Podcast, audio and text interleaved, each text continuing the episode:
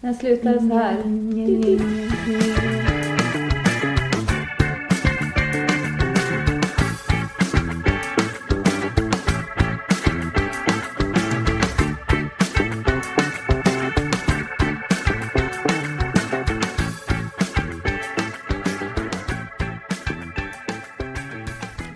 Koll på vilket avsnitt det är.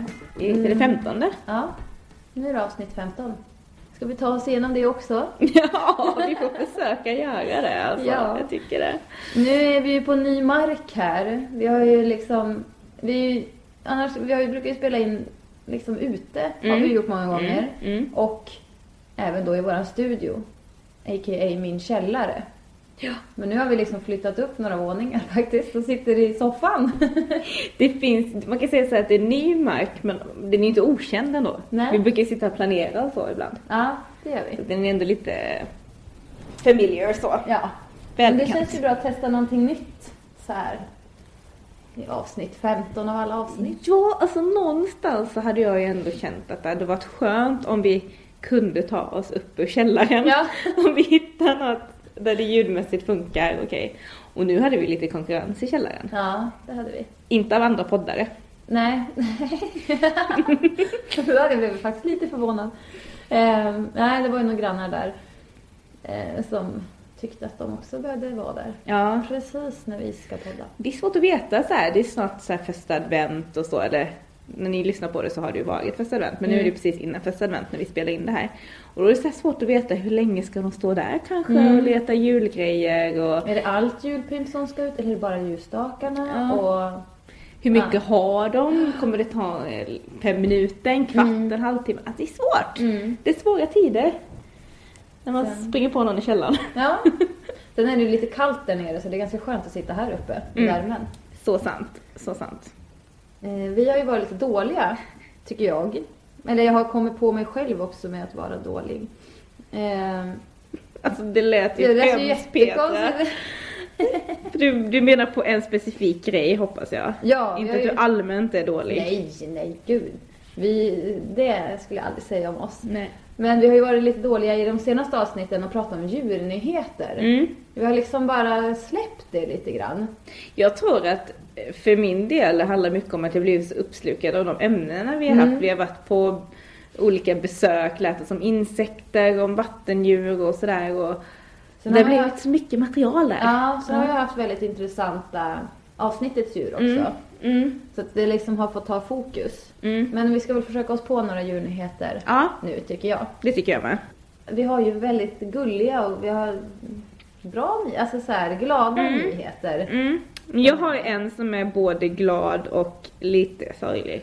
Ja, Ska jag ta den då först? Om vi kan börja där så blir Ja. vi gladare och gladare sen. Precis, det är Peter Nyheter, så, som ni vet min källa till djurnyheter i Mm. Instagram. Så det är Peter Nyheter som har lagt upp den här. Men eh, de har lagt, ja, vi ska se här. Eh, men det är en TT-nyhet är det. Och det handlar om eh, att sex strandade kaskelotter har räddats av frivilliga personer och lokala myndigheter på norra Sumatra i Indonesien. Mm. Och det är jättefina bilder här där man ser hur jättemånga människor liksom verkligen hjälps åt för att rädda de här valarna. Ja. Så det är Fan. ju alltså jätte... Ja, det känns ju verkligen så här.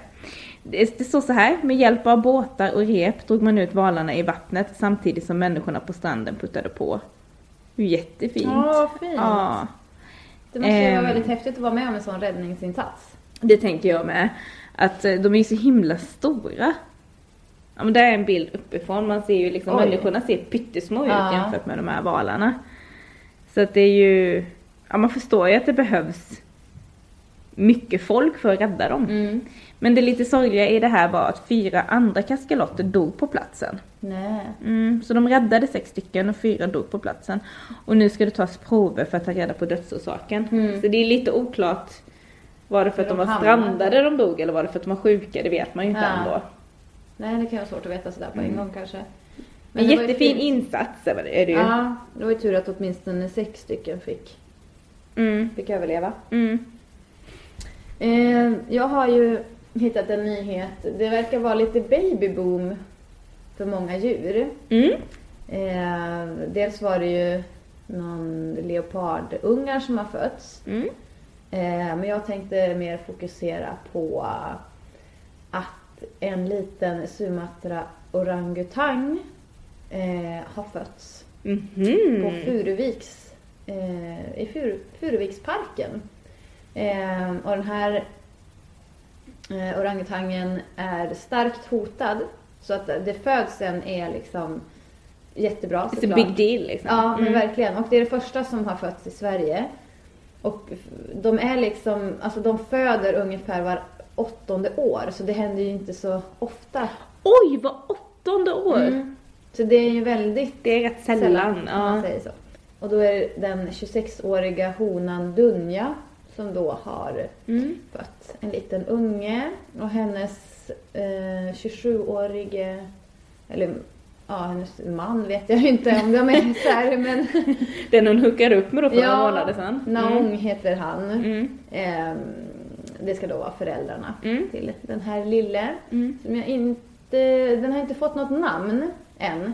För att det tar liksom ett tag. För jag tror att hon, de vaktar ungarna Ja. så hårt i början. Hon verkar vara väldigt tillgiven den här mamman och väldigt Mm, ansvarstagande. Mm. Man kan inte riktigt kunna se om det, vad det är för något Nej. innan man namnger. Eller så kan man ju hitta på ett könsneutralt namn. Mm. Ja, kan man göra. Ja, vi får se vad det blir. Finns det någon bild?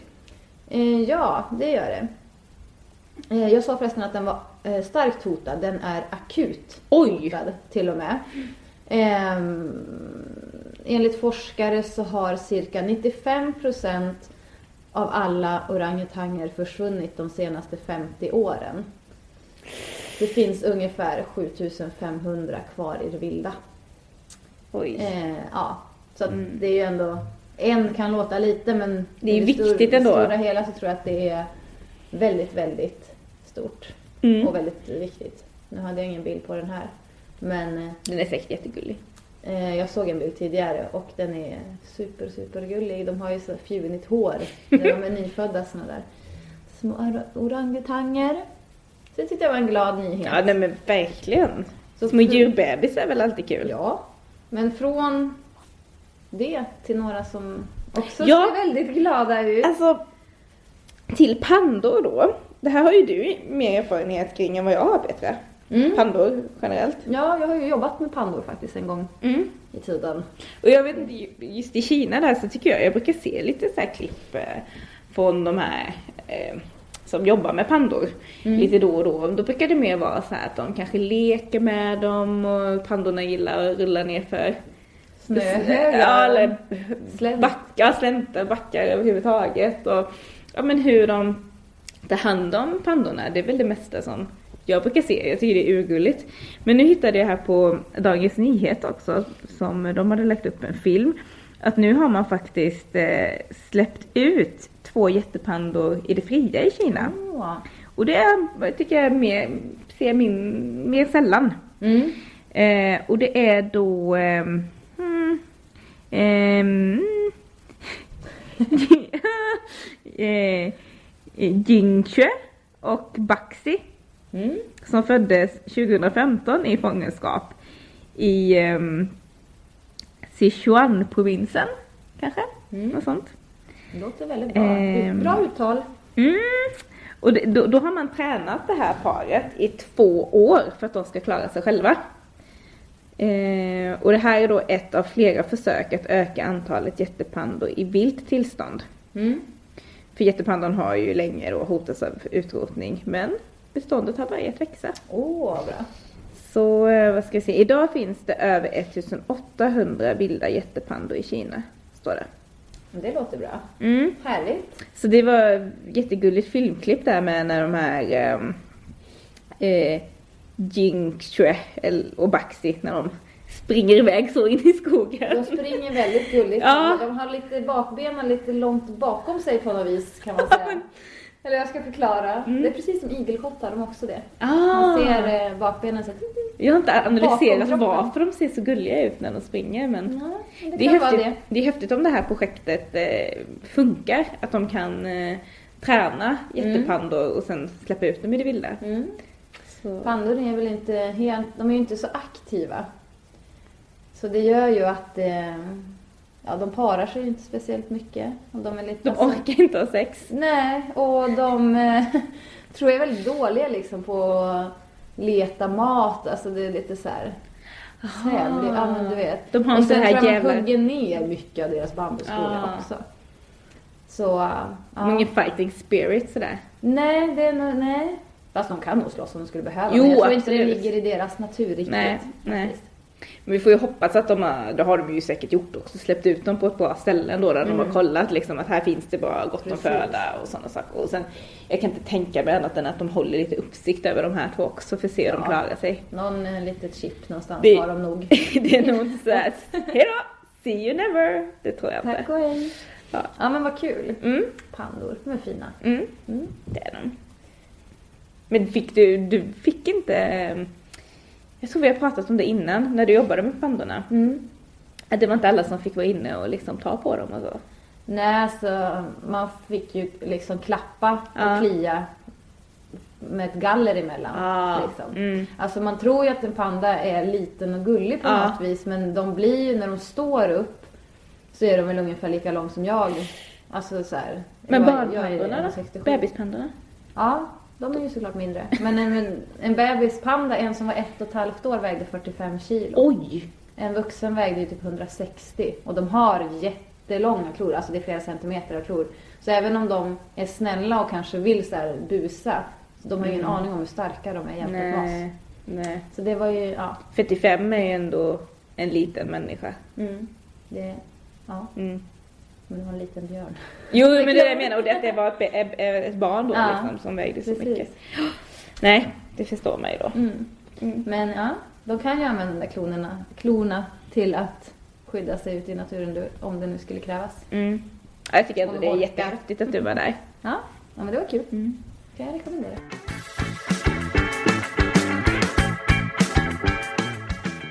Så till eh, avsnittets eh, utflykt som Mm. vi var på. Vi har faktiskt inte träffat djur den här gången. Alls. Nej, men däremot har vi träffat en kvinna som arbetar med att eh, skydda djur kan man väl säga. Som jobbar med att kontrollera så att djur har det bra. Mm. Vi har träffat Anna Lundvall som är djurskyddskontrollant eh, på veterinär och djurskyddsenheten på Länsstyrelsen i Västra Götalands län. Och jag, jag läste till. det gjorde jag för att det skulle bli rätt. Det var många, mycket att hålla rätt på där. ja, precis. Men eh, vi tänkte, vi, vi åkte och träffade henne efter hon hade slutat jobba. Mm. Och frågade lite kring så här, vad gör man liksom som eh, djurskyddskontrollant? Mm. Ehm, vad, vad finns det för svårigheter? Vad, hur, hur ofta åker de på sådana här kontroller? Alltså Ja, det så lite hur- mycket frågor liksom. Ja, lite hur lagarna ser ut. Vad är, vad är det liksom de största missuppfattningarna kanske? Mm. Ehm, som hon möter, ja men både i, liksom när hon pratar med folk men också när hon är ute och kontrollerar. Och, Mm. Vi tog Hur? ett litet snack Ja. med henne om det.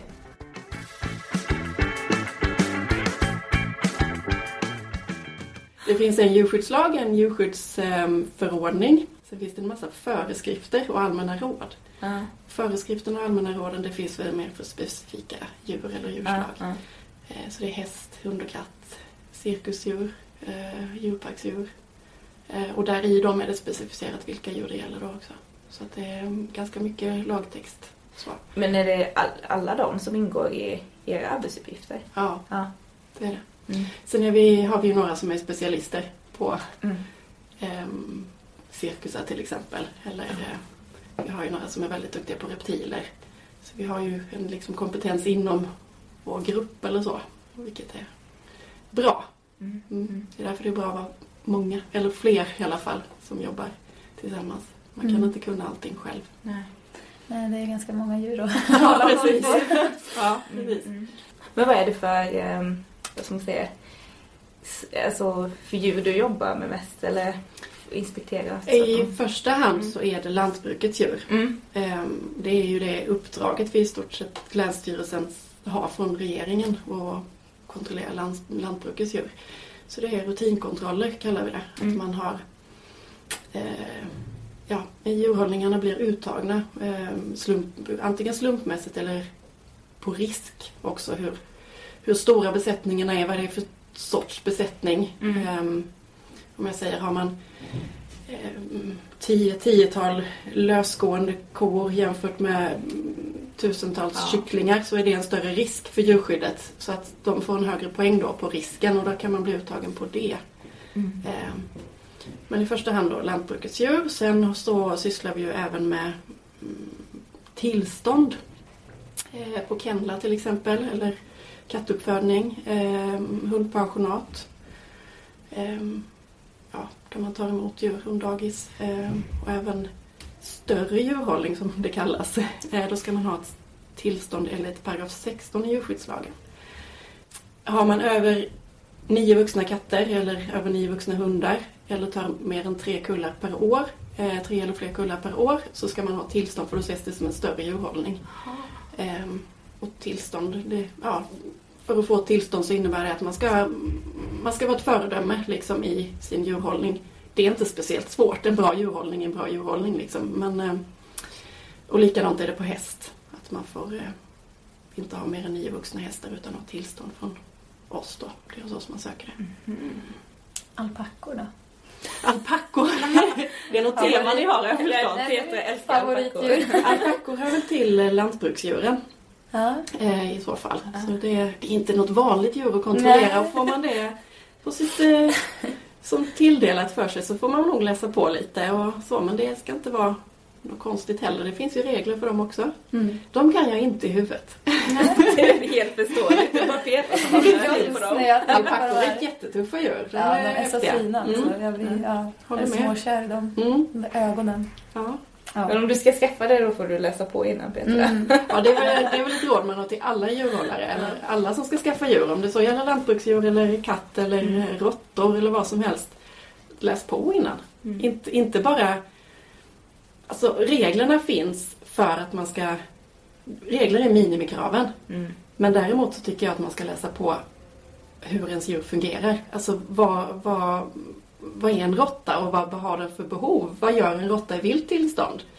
Födosöksbeteende och gömställen, hur mycket, ja, hur mycket rör de sig? Och det är utifrån det man ska gå egentligen istället för att bara läsa reglerna för att det blir, eh, reglerna bygger egentligen på det minsta möjliga ett djur behöver för att kunna bete sig hyfsat naturligt. Så att reglerna är inte bara påhittade, reglerna eller lagarna, de är inte bara påhittade utifrån, ja, mm, vi tycker att en råtta eller en hund Mm. behöver si så mycket, utan då ser man att det här är det minsta vi tycker att man ska ha utrymme för att ha det här djuret. Ehm, utifrån hur de egentligen fungerar vilt. För att djuren har alltså, vi har domesticerat dem, människan har domesticerat dem och håller dem eh, i fångenskap. Men de har inte förändrats så mycket som vi tror. Alltså de har sina väldigt basala behov kvar. Till exempel, om man tar en hund till exempel. De, de är ju egentligen inte gjorda för att vara hemma länge själv en hel dag. Ehm, och sen ha ett, även om, om man då tar, kommer hem och gör, är väldigt aktiv med sin hund på kvällen, går på kurser eller går ut i skogen och lägger ett spår eller så, jättebra. Men egentligen så är det ju så att hunden sysslar ju med det här en mycket, mycket längre tid än de här två intensiva timmarna på kvällen. Så att det är... Jag säger inte att folk inte ska skaffa hund, för det är jättetrevligt att ha hund. Jag har också hund. Men eh, det är något man ska tänka på. Mm. Att eh, de har de här basbehoven kvar. Kan du se någon sån här vanlig missuppfattning kanske i något av de här vanligare husdjuren där folk tror liksom att ja, det klarade katten och sen så egentligen så kanske den inte... Katt är väl ett jättebra exempel, som du säger. Ja. Eh, ja, katter klarar ju sig så mycket Ja. själv. Nej, det gör de inte. Katter är väldigt ömtåliga djur. De, ehm, katten kommer ju från början från varma klimat. De tycker om värme. Det ser man ju att de blir ju lättare, katter som vi håller här, tar man inte väl hand om dem så blir de ju lättare sjuka i infektioner och sådär. Jag tror att det dels har med vårt kalla klimat att göra. Eh, de tål inte riktigt de parasiterna som finns här. Eh, katter måste avmaskas ganska regelbundet om de är utekatter till exempel. De klarar sig inte alls själv. De klarar inte av att bara äta råttor och möss för att det, det tär på dem.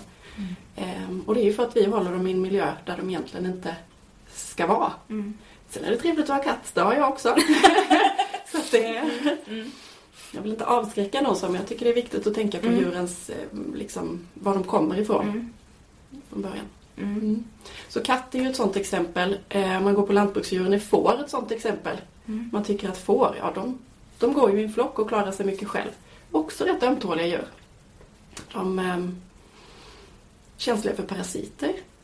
Det krävs att man har rätt marker till dem. De äter inte eh, de är ört, eh, äter örter, de äter liksom inte gräs så som en ko gör till exempel. En ko de, de äter vad som helst. Eller så, de, de, de ska ha långa strån eh, och, och river av eh, eh, gräset med tungan. Får de går och pillar lite och äter liksom örter och du ska sortera ut. Så, De äter liksom inte allting Nej, utan de bara vissa delar. Så att man kan se en fårhage till exempel där det växer, det har vuxit högt, gräset har vuxit högt och då tycker man de har mycket mat. Tycker kanske en ny en fårägare som då inte är så van vid får eller inte har läst på ordentligt. Tycker att det finns ju massor med mat kvar men det är inte den maten ett får ska ha. De ska gå och pilla och de ska ha det här lite sp- späda eh, örterna, klövern, det här istället. Eh, och likadant när man då fodrar får på vintern. Man kan inte ge dem samma typ av hö eller ensilage som man ger nötkreatur. För de äter olika delar i gräset. Mm. Så man kan även se på ett foderbord till exempel hos eh, får. Så kan man komma in och se att ah, här ligger det ju mycket foder. Men vad är det för foder? Ah. Så får är lite mer komplexa Ja, också. ja. Vilket många tycker att får. Det är trevligt att ha en flock får. Eh, och det är det, absolut. Men återigen, Mm. man måste ta reda på vad det är för djur man skaffar Mm. sig. Det är nog mitt budskap till alla. Ja. Men jag tänkte, kan inte du beskriva hur liksom en arbetsdag ser ut för dig? Den kanske varierar jättemycket men Mm. här, lite generellt. Ja, lite generellt. Jo, det är ju, kan ju vara en väldig variation. Det jag gillar med jobbet är ju att det är både kontorsjobb och utejobb. Alltså, om vi tar en kontrolldag när jag är ute så är det ju, börjar man med att packa ihop eh, sina skyddskläder, overall, stövlar, lasta bilen. Eh, Det är ny overall och nya stövlar på varje ställe för att inte sprida några smittor. Så då får du ha med dig många Mm. uppsättningar då? Många uppsättningar Mm.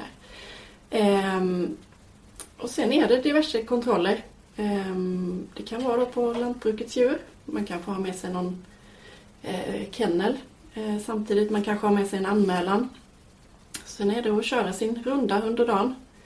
Ehm, på lantbrukets djur så har vi nu för tiden så får vi ringa och förboka det här 24 timmar innan. Om, vi, om det inte är ett ställe där vi känner till att det går inte att förboka utan där vi kommer obokat. Men de flesta ställen är, sköter sig, sköts djurhållningen väldigt, väldigt bra, eh, ska jag säga. Ehm, och då kollar man utrymmena för djuren. Ehm, man kan mäta lite tumstock eller lasermätare, kolla så att det inte är överbeläggning i stallarna. Ehm, ja, man tittar på djuren. Ehm, det är inte så att man går och undersöker varje djur. Utan man ser en besättning i, det kan ju vara en stor lösdriftslaggård med mjölkkor till exempel. Ehm, och då är det också viktigt att veta hur en ko fungerar. Ligger allihopa ner samtidigt? De ligger och idisslar. Det är lugnt och stilla. Så är det liksom en ganska bra läge om man kommer vid den tiden. Är det däremot så att båsen, flera bås är tomma och djuren står liksom på olika ställen så, där, så kan man liksom börja fråga sig lite grann vad är det som kan det vara något som gör att de inte trivs i båsen? Är båsen för korta? Ehm, får de mat på fel ställe? Eller, ja, det är lite... Ja, då får man börja luska lite i det. Mm. mm. Vi har fortfarande en del uppbundna djur. Ehm, Alla nötkreatur ska ut på... Inte alla nötkreatur ska inte ut. Tjurar och stutar är undantagna. Men på sommaren så är i normala fall mjölkkor och eh, en del av köttdjuren är ute på sommaren. Ehm, Men då binds de ju upp på vintern fortfarande. Och då är det ju väldigt viktigt att de har nog med plats. Eh, För de står ju faktiskt där en stor del av året fastbundna. Ehm, Och då ska det vara nog med plats på de här båspallarna som man kallar det då. Ehm, De ska vara tillräckligt breda, de ska vara tillräckligt långa och där ska vi återigen komma ihåg att det är minimimått. Mm. Ehm, Så att eh, där tullar man lite på djurens naturliga beteende och välfärd men det är någonting som då enligt faktiskt djurskyddslag och Mm. förordning och föreskrifter är tillåtet att göra för det sättet vi håller dem. Så då får man mäta lite båspallar och se om det ja, hur det ser ut. Um, hittar man då något djur som sticker ut, kanske är extremt magert eller någon som står och väg, väger på olika, avlastar ben eller så, så får man ju kanske höra vad har hänt här då? Finns det någon anledning till att djuret ser ut så här? Står det under veterinärbehandling eller ja, sådana saker.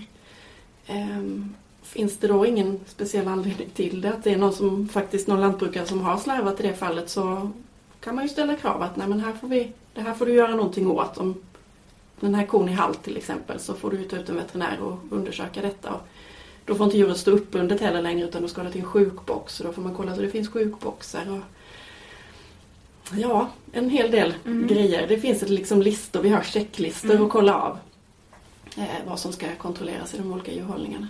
Eh, ja, så man kör sin runda. Man kan komma till en anmälan. Det kan ju gälla mm, hundar som eh, inte får tillräckligt med mat och vatten till exempel, inte har fri tillgång på vatten. Då får man knacka på, hoppas någon är hemma, komma in och kontrollera detta. Ibland ligger det någonting i de här anmälningarna och ibland gör det det inte. Mm. Ibland använder tyvärr allmänheten oss som någon sorts slagträ. Det finns någon schism mellan grannar eller någon som, är, någon som är arg på någon annan och då anmäler man till djurskyddet för att få hem någon och det tycker vi är hemskt tråkigt om det bara används så för att det kommer ändå inte att straffa den här personen. Nej. Har man ingen brist så ja, då konstaterar vi det, skriver en rapport och sen är vi därifrån. Men då har man tagit tid och mm. pengar ifrån djurskyddet som skulle kunna lagts på att kontrollera andra djur. Mm. Mm. Så det tycker vi är lite tråkigt om man vet att det inte är några brister. Att mm. eh, man ändå anmäler det. Mm. Ehm, ja, och efter en sån runda det tar, ofta är man ute en hel dag. Så, att, så kommer man tillbaks till kontoret. Um, ofta orkar jag inte tvätta stövlar och overaller samma dag så man lägger det i förrådet där så länge i en speciell del av det och sen får man tvätta det dagen efter. Um, Just när det är så många med. Ja, liksom. precis. Stövlarna ska sen skuras och sen ska de sättas i vikon så de, det är en desinfektion så att Aha. man absolut inte sprider några smittor. Det är vi väldigt, väldigt noga med. Sen har man ju förhoppningsvis ett gäng eh, kontroller man har gjort då. Mm, mm. Anteckningar och checklistor man har fyllt i. Så då, dagen efter så är det kontor, kontorsarbete. Ah. man skriver sin, eh, fyller i sin checklista i ett system vi har. Skriver en rapport. Eh, skickar till djurhållaren. Antingen är det en rapport där det står att inga brister mm. fanns. Djurhållningen är bra. Ehm, eller så kan det vara en rapport med brister. och bristerna kan ju då gälla mer eller mindre allvarliga saker. Vissa brister litar man på att djurhållaren rättar till. Man säger här saknas det faktiskt en eller här har det gått lite sönder för du, du, kan, du får laga det. Ja, men, mm. oj, det ska jag göra, säger djurägaren. Och så litar man på det. Absolut. Sen finns det ju vissa djurhållare som tyvärr inte ja, har för mycket brister. Vissa har inget intresse av att ha djur. Om jag ska vara rent krass. Um, vissa har inte förmågan att ha djur. Nej.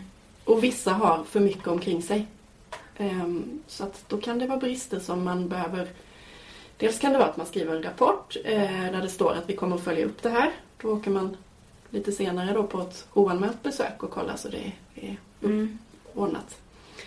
Eh, är det så att det är väldigt, väldigt allvarliga brister så kan man skriva ett föreläggande vilket betyder att det är ett beslut som djurägaren får. Det här bestämmer myndigheten att du ska göra. I och med att det är ett beslut så går det även att överklaga den byråkratiska vägen. Men det är en rättssäkerhet vi har i Sverige och det är bra. Ehm, så då har djurägaren rätt att överklaga det till en domstol. Ja, eh, man kan väl säga att de vanligaste bristerna vi har ute på gårdarna det är väl nu under vintern blir smutsiga nötkreatur. Det är, mm. ja, det är svårt att hålla och det kan väl ha olika anledningar. Ehm, dels är det inte som förr när vi bodde på våra gårdar och hade det som jobb. Liksom, utan folk har djur och är tvungna att arbeta borta också. Alltså man har det som ett deltidsjobb. Mm. Så. Eh, och ha uppbundna djur och gå och skrapa ner gödsel en gång på morgonen och sen en gång på kvällen när man kommer hem. Det innebär att man faktiskt får smutsiga djur. Mm. Och det kan även vara problem om man har lösgående djur. Och djur får illa av att vara smutsiga. Det kan vara vissa som tycker att ja, ja, det är kor, de är lite smutsiga på låren. Men de, det har visat sig att de har sämre tillväxt och de har lättare att få infektioner. Ehm, och så så det, det, är inte bara det en estetisk grej utan det är att de, de ska hållas rena för att må bra. Mm. Vi har ju även i uppgift att åtalsanmäla om ja. det är så att det är vi misstänker att någon har begått ett brott mot djurskyddslagen eller djurplågeri. Och då skriver vi en redogörelse för vad som har hänt och skickar den till åklagaren tillsammans med våra rapporter och våra förelägganden som har varit kanske på den här djurhållaren. Många djurhållare, om vi säger att det är få djurhållare som, som utgör den här delen, eller de flesta, de flesta gårdar är liksom skötsamma. Det kan finnas lite små brister här och var som det finns hos alla. Alltså vi, mm. ingen av oss, vi är människor, ingen är perfekt liksom. Men sen finns det några som är kanske de vi jobbar mest med. Mm. Eh, där det återkommer brister. Och det kan vara olika anledningar. Det kan vara att man inte orkar, man är inte intresserad egentligen. Man har inte kapaciteten till det. Man kanske inte förstår sig på djur eller förstår sig på sådana enkla saker som man ska veta som hur en ströbädd funkar till mm. exempel. Mm. Att det ska, så. Ehm, och där kan det vara att de, det blir kontrollrapport på kontrollrapport med brister och det blir flera förelägganden sådana här beslut. Mm. Men de eh, gör inte så mycket åt det? Nej, eller det rättas till efterhand eller sådär. Men, eh, och risken där är ju att man jobbar sig upp mot faktiskt vad som blir ett djurförbud till slut. Eh, och det är inte ofta som folk får djurförbud men, men är det så att vi, kan inte, vi som myndighet kan inte komma ut och berätta för en djurägare om och om igen vad de ska göra. Det är inte vårt, uppdrag, vårt uppdrag är att kontrollera vad, mm. så att de uppfyller djurskyddslagstiftningen. Så när det har gått så långt att man flera gånger har fått ja, förelägga dem om saker som är viktiga för djur, alltså där djuren har varit illa, då lämnas det till en djurförbudsprövning då. Till en länsveterinär som också jobbar på Länsstyrelsen då. Ja, som då tittar på ärendet eller alla ärenden man har haft. Och, och det är ofta flera av oss djurskyddskontrollanter som har varit inblandade vid olika tider så det är inte Ofta har vi inte bara jag har den här gården utan det är flera stycken som så att det blir en objektiv, objektiv bedömning mm. också från länsveterinären, att man ser historiken. Och ofta har vi då tagit bilder och så också och det är ju i syfte att visa upp, bevisa vad det är vi ser. Liksom. Eh, och då kan det mynna ut i ett djurförbud och återigen så är det ett beslut som går att överklaga.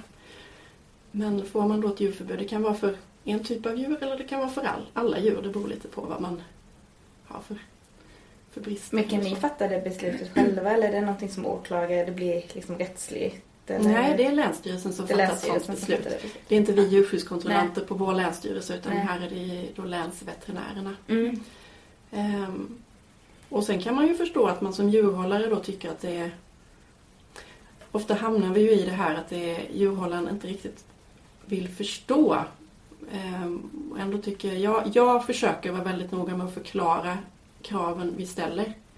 Inte bara peka på att det står så i lagen utan mm. Djuren far illa av detta på grund av att ja, är man smutsig jämt och ständigt så växer man sämre. Och varför växer man sämre? Jo, det är för att man har infektioner i kroppen och det är liksom, ja.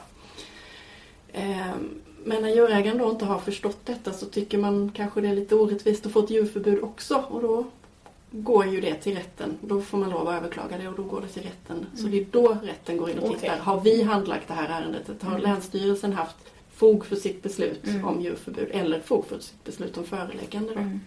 Okej. Okay. Mm. Mm. Men det du skulle säga är liksom svårast med ditt jobb att få de som kanske är lite motsträviga att faktiskt förstå att du måste liksom tänka på det här och ändra det här? Ja, det är det, det, är det svåraste att få att inte liksom berätta för folk. Jag vill inte berätta för någon hur de ska göra utan jag vill att motivera dem till att mm. göra rätt istället. Eh, och jag sitter inte med alla svaren. Det är inte så att det finns på ett lantbruk en sorts lösning. Utan man kan hitta på många finurliga lösningar på eh, och det tycker jag är spännande med mitt jobb också att jag ser så många olika ställen där man har hittat på väldigt många bra lösningar. Och det är ofta de man lär, jag lär mig saker varje dag också jag kan djur bra, men jag lär mig hållande av djur kan man lära sig från så många ja, olika idéer. För återigen är folk olika och man har olika sätt att lösa saker och ting. Vissa är bra och vissa är sämre, men många, många är bra. Liksom. Det, mm. Hur många kontroller gör ni? Eller gör du på ett år om vi säger? Kanske svårt att säga alla. Oh, det finns en siffra på hur många vi ska göra, för vi är också kontrollerade då. Um, jag kommer faktiskt inte ihåg det, men om man säger är man ute och åker en dag så kanske man förhoppningsvis får ihop en fem, sex kontroller. Sen är man inte ute och åker varannan dag för kontorsarbetet tar mycket tid också. det är ju inte bara en kontrollrapport att skicka iväg utan sen är det Ibland får man ju liksom återkomma till djurägaren när man då ser någonting som ja det här så tycker jag verkar lite konstigt men jag måste kontrollera med gruppen hur vi för vi, det är ju inte min bedömning som gäller alltid utan det är Länsstyrelsens bedömning. Så då kan det ju vara att man kommer tillbaks till kontoret, har några bilder och visar för sin grupp och säger ja, jag tänker så här, vad tänker ni? Kan vi godkänna detta eller inte? Och då får man återkoppla till djurhållaren så att det är lite jobb emellan också. Mm. Men om man säger en heltidsarbetande djurskyddskontrollant, fem kontroller den dagen man är ute i alla fall. Det kommer uppifrån hur mycket vi ska mm. göra. Mm.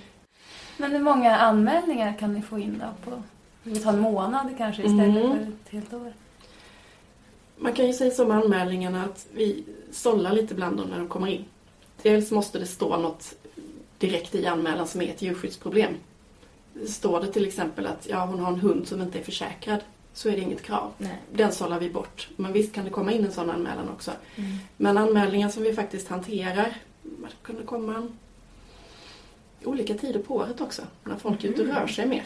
Ja, när de är ute och ser mer. Ja, ja. som man kommer med. Mm. eh, och lite på hösten när man tycker att djuren ska ha kommit in och så. Eh, jag vill gärna ge er en siffra men kan vi säga mellan 10 och 20 per vecka på ett kontor. Sen är vi ju flera kontor ja, på, mm. på Länsstyrelsen. Vi sitter ju både Skara och Uddevalla. Mm. Och vi i Göteborg och Borås hör ihop då. Mm. Liksom. Det är mycket.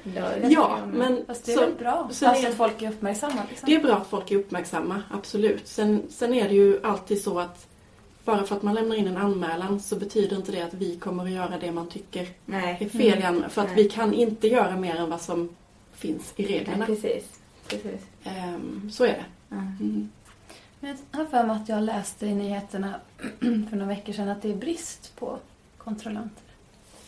Stämmer. Ja, och det där är ju en fråga för, för Länsstyrelsen i stort egentligen. Mm. Men ja, på de, de vill att vi ska göra i framförallt lantbrukets djur, kontroller på lantbrukets djur. Och i landet så hinns det inte med, om man säger landet i stort, så hinns det inte med alltid på grund av, ibland är det på grund av anmälningar också som tar upp tid och så. De här som du sa som kanske egentligen inte de, alltså att det är därför det är så viktigt att eh, inte använda det som en del i en grannfejd eller någonting sånt. För då blir det andra djur som kanske ja. blir lidande ja. av det. Ja.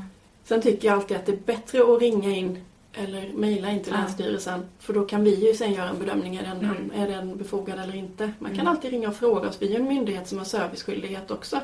Så är det så att man, man ser några djur som man tycker, ska det vara så här? Så mm. är man välkommen att kontakta oss. För vi vi kommer gärna med råd och tips också. Mm. Och information. Ja, jag vet ju ibland, det händer ju lite då och då att det blir liksom medialt att det är någonting mm. man har hittat liksom alltså döda, alltså döda djur som det ser väldigt obehagligt ut mm. och, och mm. alltså sådär. Blir det en konsekvens då av att man kanske inte har hunnit med på vissa ställen i landet eller skulle det kanske bli så ändå? Mm. Ja, alltså jag skulle säga, alltså om man det, man kan säkert dra en parallell till det i vissa delar av landet. Mm. Ehm, så kan det nog vara. Men sen är det faktiskt så också att det blir det behöver inte gå speciellt lång tid för att djur, ja ska djur dö så tar det lång tid mm. såklart. Men det kan se förskräckligt in, ut inne i en laggård som man bara inte har skött på några dagar. Okay, så det, ja. det, det går väldigt fort så? Ja, de, de bajsar mycket, de kissar mm. mycket. Um, det går fort. Um, det behöver liksom inte ha fortgått så länge för att det ska bli illa. Och sen kan man säga att det, det, det är inte jättevanligt att det blir så pass illa utan folk upptäcker mm. gärna det här. Mm. Jag tänker just för dig, för att eh, du sa själv du har egna djur. Mm. Och jag tänker att man väljer kanske det här yrket för att man på något sätt eh, bryr sig om djur eller alltså har ja. någon form av djurvän. Mm. Sådär. Men hur, alltså, hur är det för dig att få se vissa, du behöver inte ta något specifikt fall, men just att komma till ställen där du ser att men här mår inte djuren bra. Mm. Hur, hur är det för dig? För jag tänker, jag hade nog farit rätt illa för att jag mm. tänker på djuren liksom. Ja, fast det som är, jag har antagit någon sorts ganska proffsig attityd här tror mm. jag. Jag går in i jobbet och så känner jag att ja, jag kan må dåligt av det ibland, absolut. Men jag är ju faktiskt där som en person eller som en myndighetsperson som kan avstyra det här på något sätt. Ja. Visst, det är jättejobbigt att se djur som har farit illa under en längre tid, för det, det vet jag att de har gjort då. Men samtidigt så kan jag ju faktiskt på något sätt avstyra att det fortsätter. Ja. Du kan ju ändå hjälpa dem på något sätt. Ja, om det så är avlivning som, som Mm, gäller mm. eller så, men då har man i alla fall avslutat det lidandet. Sen tycker jag fortfarande det är fruktansvärt med det här fram till dess. Mm. Ehm, och det, visst kan det... Det är klart, det blir inte samma hjälplöshet än om, om vi hade sett någonting. Då, eller vi, kan- det vi kan göra är ju anmäla Mm, till er då. mm. Men det är klart att då känner ja, Då har man Du inte kan ändå kontroll göra någonting. Ja, det är nog det som, som gör att jag vill ha det här jobbet. Att ja, jag kan göra någon skillnad när det väl är så också. ja. Och jag vet att jag har väldigt bra arbetskamrater och vi, vi har samma liksom, syn på djur. Att vi, vi, ehm, vi har alla valt det här jobbet för att vi tycker om djur Mm. i grunden. Och framförallt för att vi är intresserade, inte bara tycker om Nej, djur utan nej. vi är intresserade av hur de funkar och vilka förutsättningar de behöver. Det är ingen av oss som bara tycker det är mysigt att klappa djur och sådär utan det, det ska vara ja, Det är lite djupare än det. det är lite djupare Mm. än så. Ja. Och just förståelsen för hur djur fungerar, det är nog det som vi brinner för allihop, liksom tycker är intressant. Det är viktigt att eh, djuren mår bra och sådär Mm. liksom. Så jag har alltid tänkt så. Alltså det ni gör, att det är så himla... Alltså det är ett viktigt jobb. Så jag tänkt tycker lite så här, eh, eh, vad ska man säga, djurens riddare liksom. Ja, fast ja. Fint. Mm. Sen är det, så ska man komma ihåg att vi, vi kan bara kontrollera att man följer lagstiftningen. Ja. Och jag försöker många gånger att försöka göra lite, liksom ge djurägaren, djurhållaren lite mer information. Mm. Ehm, Så att man själv ska motiveras att vilja förstå och vilja göra lite mer kanske. Mm. Ja men det är lite som att bara för att det finns en minimilön till exempel så behöver man ju inte ge den. Utan Nej, man kan ju man ge kan ju ge lite liksom. mer. Ja, för att det- Jättebra liknelse. Att, eh, ja, och försök att läsa dina djur. Alla djur har ju någon typ av personlighet. Mm, Från hundar till höns eh, faktiskt. Ja. Det, det, det kan väl vara svårigheten med, som du sa, försöka få motivera folk istället för att bara berätta för dem vad du ska göra. Mm.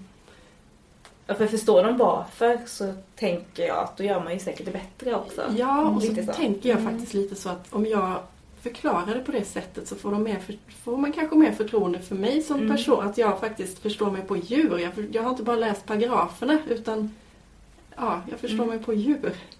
Det är nog det jag vill förmedla. Att, eh, mm. Alltså kollar du på de här Animal Control och dem? Det går ju en massa sådana, Mm, typ dokusåpa. Ja, jag tittar, jag tittar inte så mycket på TV längre nu. Jag har två små barn hemma som eh, tar upp all tid. Men eh, ja, är jag, det någon, jag har är sett någon igenkänning i det liksom? Det är nog svårt att jämföra med andra länder. Ja. Eh, så, för vi har olika system och, och mm, absolut. Men visst kan det bli lite det är fel att säga action, men visst är det det hos oss också ibland. Ja, ja. Ehm, Det har ju varit hus fulla med katter Mm. till exempel. Tyvärr är katter ett djur som folk ibland samlar på. Mm. Eh, Man menar ofta inget illa med det. Eh, Det är Men man så kan ju älska dem eller liksom Ja, men, de men, älskar de, sina Men de katter. klarar inte av det kanske. de älskar sina katter. De, är- ofta är det här människor som samlar på annat också. Mm. Eh, man, man, man tror att man gör ett, en bra grej men då har man återigen inte förstått vad det är för djur man har. Katter Nej. är inte flockdjur, de är semiflockdjur. De kan liksom gå, de har sina revir och de kan liksom överlappa varandra men de lever oftast inte tillsammans. Nu har vi katter på det sättet att vissa kan leva tillsammans men de behöver ofta sin egen space ändå. Om man tittar in hos en familj med katter så är det ju ofta några katter som har sina favoritutrymmen. Liksom. Och det tyder på att de, de måste få ha sitt. Mm. Trycka in 20, 30, 40 katter i ett hus. Det far de hemskt illa av, både psykiskt och fysiskt. För att fysiskt blir de sjuka. Alltså, en katt är en väldigt ömtåligt djur. De, far de illa psykiskt så är det ofta så att det nu är jag absolut ingen veterinär så jag ska inte försöka gå in på den. Men att det påverkar även fysiska. Ja. Alltså, en katt har väldigt känsliga njurar. Ja. Och det liksom kan påverkas av det här psykiska Ja. tillst- stresstillståndet av att ha andra individer för nära och man trivs inte med det. Så att då blir det infektion. Alltså det sprids ofta lätt smittor i kattsammanhang. Och jag, Mm. Mm. Man tror, det finns någon föreställning om att djur är så mycket tåligare än vad vi är. På vissa Mm. sätt är de ju visst det. Men de har, eh, de har ju en förmåga att ha känslor de också. De har en Mm. förmåga att lida både fysiskt och psykiskt. Ehm, alla djur. Även fiskar har ju visat sig liksom ha, Just det. känns, alltså, ha känsel och så. Jag tycker inte det är någon konstig... Alltså jag tycker för, jag som biolog tycker att en, en varelse har ju liksom ett system som gör Ja. att den måste känna för att kunna överleva. Så att, Mm. men visst, det ska, allting ska bevisas. Mm, mm. Ehm, djur som om, omplaceras och så, det kan vara att de, de, det sitter i hela livet vad, de, vad som har hänt dem. Mm. Sen är det ju få djur som oftast är så tacksamma som omplacerade djur. De är hittekatter, de är ofta väldigt tacksamma djur. Mm. Så, Mm. de är, det är precis som om de kommer ihåg det där också, att jag har en Mm. gång blivit räddad. Liksom. Ja, Mm. Fint. ja, Mm. verkligen. Men det är klart, alltså, man tänker ändå att de kan ju känna hunger och bli trötta och allt så det är klart att de borde kunna känna mer än så. Ja, men alltså precis. att de kan Ja. få ha liksom något trauma som Ja. hänger. Alltså, Ja. det, Ja. det är egentligen inte så konstigt. Det är en överlevnad, alltså det är en, det är en eh, rent evolutionär grej vi har. Att det sitter kvar. Har man lär sig liksom i minnet att, att eh, har man varit med om någonting så vill ju kroppen förebygga att det händer igen och det är klart Ja. man är på sin vakt då. Mm. Mm. Jag blir nyfiken också, för vi pratade lite om vad som är utmanande och ja, vad som kan kännas jobbigt. Men vad är liksom, den bästa känslan? När, när kan den in i jobbet liksom? Ja, det finns flera stycken. Ja. Eh, faktiskt är den bästa känslan att träffa djurhållare där det, där det funkar bra. Alltså se en fin djurhållning. Mm. Och det tror jag är en missuppfattning med vårt jobb. eh, Att vi letar fel hela tiden. Nej, vi letar efter de här bra grejerna. Det är det vi vill ha. Vi vill ha ett levande lantbruk i Sverige. Vi vill ju ha liksom, mm, om man blir lite mer ehm, pragmatisk, alltså vi vill ju ha, eh, köpa svenska produkter. Och oavsett om man väljer att äta kött eller inte så alltså svenskt kött kommer alltid att efterfrågas och då är det ju vår det, vårt jobb är ju att se till så att man producerar det enligt reglerna. Så när jag faktiskt har sett ställen där det är liksom en bra mjölkgård eller en med intresserade, duktiga, eh, drivna lantbrukare. Det är nog det bästa. Det verkar ju inte vara direkt så som de här Animal Police eller Animal Rescue. Ja, som man själv kanske Nej, det, associerar till. Men eh, det var som Anna sa, att det är olika lagar såklart i Mm. olika länder och så. Men eh, ehm, syftet är egentligen detsamma tänker jag. mm, Att se till att djur har det så bra som möjligt och Mm. rädda djur som ehm, som inte har det bra. Ja, precis. Antingen genom ett nytt liv eller få slut på lidandet. Mm, precis. Ja, det är nog ett väldigt spännande jobb. Jag tyckte det var väldigt intressant Mm, mm. att få veta mer. Ja, jag började fråga sen, Åh, vad har du gått för utbildning? Och Ja. När vi hade slutat spela in. Ja. Men ehm, det är nog rätt lång utbildning lät det som. Ja, Så att det får, det får bli ett annat liv. ja. Mm. man vet aldrig. Mm. Eller för då, fast då skulle det ju bli sniglar och, och bara med katter. Ja, men man kan väl ha många liv? Det är Ja. väl ingenting vi vet nu Petra? Nej, det är Eller? sant. Förlåt. Jag tänkte inte på det. Okej, men ehm, då är jag lite nyfiken Petra. Har du liksom hittat en expert till till ditt djur? Eh, Jag tycker nej. du är väldigt bra på det annars. Jag har faktiskt inte gjort det till det här avsnittet. Men jag har ju läst mycket om den här bonobo-apan. Jag skulle precis fråga vad det var för Ja. apa. Jag bara, det var ju en apa, men vad hette den? Säg det igen. Bonobo-apa. Mm. Eh, om det här är ju en apa som jag tycker är fantastisk. Och som jag kan tycka att vi har lite att lära av på ett sätt. Mhm. Ja. Eh, Bonobo-apan, det kan man säga så här, kärt barn har många namn. Okej. Den kallas eh, dvärgschimpans, hippieapa, världens kåtaste apa och så har vi det latinska namnet Pan paniscus. Hörde du hur jag kunde säga Ja, det utan ja. att vara helt förvirrad? Och Men har du övat? Nej men det var inte så svårt. Det var det. Ja. Eh, jag ska bara klargöra först och främst att det här med dvärgschimpans, det stämmer liksom inte helt riktigt. För det var det enda jag kände igen av alla de här Ja. grejerna du räknade upp. Eh, Bonobo-apan är inte någon schimpans, men de är väldigt lika Okej. och det är liksom dens närmsta släkting. Ehm, bonoboapan har ett hel svart, helmörkt ansikte. Och schimpansen har ett betydligt ljusare ansikte. Så det är så man kan skilja dem åt. Okej. Sen är bonoboapan smalare än vad schimpansen Men är den inte mindre om den heter dvärg? Eller som den kallas? Alltså den är inte det, när den ställer sig upp så är de lika stora. Den men är bara den mer liksom mag- lite eller? Tanigare. Ja, okej. Mm. Så det är nog mer det, att man trodde att det var liksom en Mm. tanigare schimpans. Mm. Liksom. Ehm, man hittar, eller man liksom förstod att det här var två olika apor först 1929. Okej. Och sen då började man liksom forska på bonoboapan i sig. Mhm. Mm. Intressant. Ehm, det, både bonoboapan och schimpansen är ju våra genetiskt sett närmsta släktingar i djurriket. Och då kan man ju undra så här, ha, har vi några likheter? Vilka, vem av dem är vi mest lik i sådana fall? Vad, finns det några drag? Har vi något att lära kanske framför allt? Skulle jag trycka på i det här. nu kommer det komma lite jämförelse med schimpanser också för att jag Ja. liksom, ja, för att reda ut det här. Mm. Ja men det är bra. Ja, schimpansen, den lever i ett patriarkat. Alltså att det finns en manlig ledare som liksom styr flocken. Mm. Igenkänningsfaktor ganska hög. Ja. Ja. Eh, bonoboapan lever i ett matriarkat. Mm. Där Lite att lära. Nej. Där honorna har allianser med varandra Okej. i gruppen Mm. för att leda flocken. Eh, med kvinnlig solidaritet håller de hanarna på mattan. Det är ett citat från en artikel i Mm. Svenska Dagbladet. Om man kommer till beteende så har enligt forskning eh, maten ganska stor, eller hur de, tillgång till mat har ganska stor betydelse. Både bonoboapan och schimpansen eh, finns i Kongo-Kinshasa, Afrika. Eh, men bonoboapan finns bara på Kongoflodens västra bädd och eh, schimpansen har ett betydligt större ut- utbredningsområde. Hos schimpanserna så finns det gorillor att eh, liksom konkurrera med. Mm. Det gör det inte hos eh, bonoboaparna. Okej. De har liksom fri tillgång till all mat, de behöver inte kriga med några andra.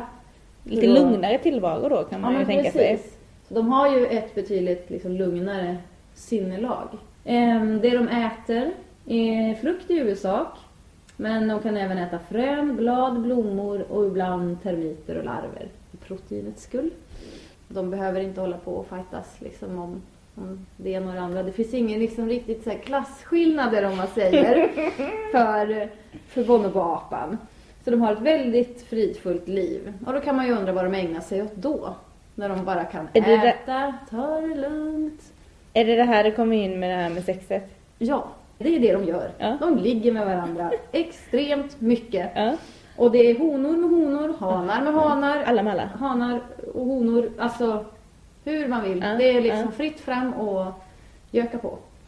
Och eh, eftersom det är honorna som då bestämmer Mm. i flocken så är det mer, har de ett mer avslappnat förhållningssätt till det här med fortplantning. För schimpansen så är det liksom en alfahanne Mm. och då måste alla honor liksom fjäska för honom, vara lite extra fin Mm. för att få para sig. Mm. Eh, och det här gör de ju då, eller de föder ju liksom en unge var 15, femte år. Så det är ju inte så ofta de får komma Nej. till då liksom Nej. och då ska de försöka få en unge med den här alfahannen. Då vill vi bara ha då från den största hannen såklart. Ja men vara- precis, de vill för det är han de som andra. styr allting. Nej men då, precis. Men eh, hos bonobonaporna då så är det ju bara att eh, Vet man inte vem som är far till barnet? Precis. Och eh, det är ju också, det finns både för och nackdelar med det. Eh, när det kommer till schimpansen, i och med att det finns en pappa till alla barn, om det då kommer en annan hane och tar makten, om man säger, då kan han mycket väl döda Ja. alla ungar. Mm. Så att inte de barnen ska ta över sen eller något. Precis, så Mm. att inga andra gener ska spridas Nej. vidare. Eftersom bonobap-hanarna inte har någon aning om vems unge som är vems, så finns det ingen anledning. Nej. För de kan lika gärna råka döda sin egen som någon annan. Så Mm. det, det liksom händer inte. Nej. Ehm, däremot då, eftersom de inte vet vems unge som är dens, så tar de heller inte hand om några ungar. Nej. För då Utan då känner får de honorna ta det liksom. Precis. Mm. Men eftersom honorna hjälps åt så är det inga problem. De hjälper till och med varandra när de ska föda. Och det gör Nej. inga andra apor vad, jag förstod. Så då kan man vara liksom två stycken som hjälper den, den som ska föda att trösta och klappa på och, och sådär. Annars så brukar Det är ju väldigt människolikt. Precis. Mm. Det finns väl någon väldigt fin sympati där för varandra. Men bonoboapan använder liksom sex, alltså de ligger ju med varandra för, ku, för kul skull, för njutnings skull också. Och att de har liksom ett, ett utarbetat sätt för att de inte ska bli gravida eller liksom, eller att det ska, det är liksom när det är, eh, vad, ska, vad heter det? När det är parningssäsong. Mm. Det är då det, man ska komma till och att det På ska det sättet. barn. Liksom. Ja, ja. Men det här kan handla om att de liksom penisfäktning kan det vara och det kan även vara så man hälsar på varandra i olika grupper för att de fightas inte med andra grupper heller utan man hellre Ah, hellre more the merrier liksom. Ja men Mm. precis och de kan, ja, de kan smeka varandra och de kan kyssa varandra och Penisfäktning. gnugga könsorgan mot varandra. Är det en av de grejerna du tycker vi ska lära oss av?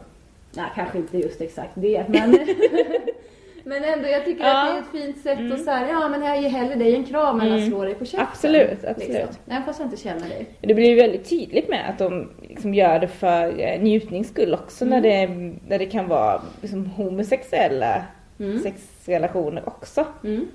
Ja, Så är det blir väldigt tydligt. Ja. Det stod så här, eh, ett citat då från den här experten.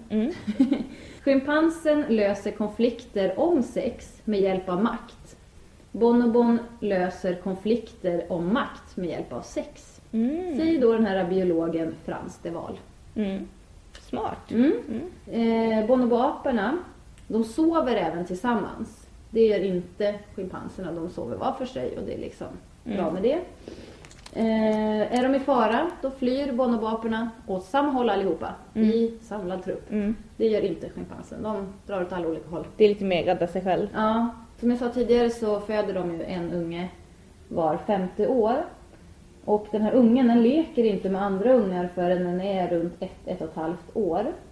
Ehm, väldigt mycket med mamman. Mm. Man kan ju säga att de hänger så här. Mm. Många apungar gör ju det. Ja, Hänger det gör kvar på mamman så där länge. Mm. Ehm, honan blir könsmogen vid sju års ålder. Och då flyttar hon till en annan grupp. För att det inte liksom ska Alltså man är inte av. kvar i sin mammas grupp liksom. Nej men precis. Nej. För eftersom du inte vet vem din pappa Nej, är. oh, så det blir tajt. bli- Så det, för att minimera risken för inavel så flyttar de Det är också liksom. smart faktiskt. Ja. Mm. Och det verkar ju inte vara något problem att joina någon annan grupp Nej. eftersom alla är så trevliga. Ja, då kommer Så. man bara där, så får man en puss och så bara... Du är med i gänget. Mm. Ehm, de lever högt upp i träden. eh, där de bygger bäddar av löv och grenar. Så ligger de på. Eh, det här kan vara 5 till 50 meter över Oj, marken. 50. Ja, det är högt. Mm. Alltså usch. Ehm, hanarna blir 73 till 83 centimeter långa, väger 40 till 45 kilo. Honorna blir väl 70 till 76 centimeter långa och väger runt 30 kilo. Mm. Och då mm, kan man ju undra så här då, är de hotade som så många andra djur? Ja, det är de. Det upp, jag hittade många siffror på hur många det fanns i det vilda. Med så här 29 000, 50 000. Men de finns ju bara på den här platsen. Mm. Ehm, och de jagas för köttets skull. Eh, det här köttet ska vara väldigt gott tydligen. Eh, och en, köttet från en sån här apa är liksom som två månaders inkomst för, för den som säljer. Så den, det är dyrt. Kött. Verkligen. Ehm, men de kan också fångas för, för att vara sällskapsdjur eller till djurförsök. Ehm, sen är det ju det här då med skövling av skog och deras såklart. habitat. Mm. Ehm, och att man bygger industrier och håller på. Så, ja. Man räknar med att populationen kommer halveras fram till 2045.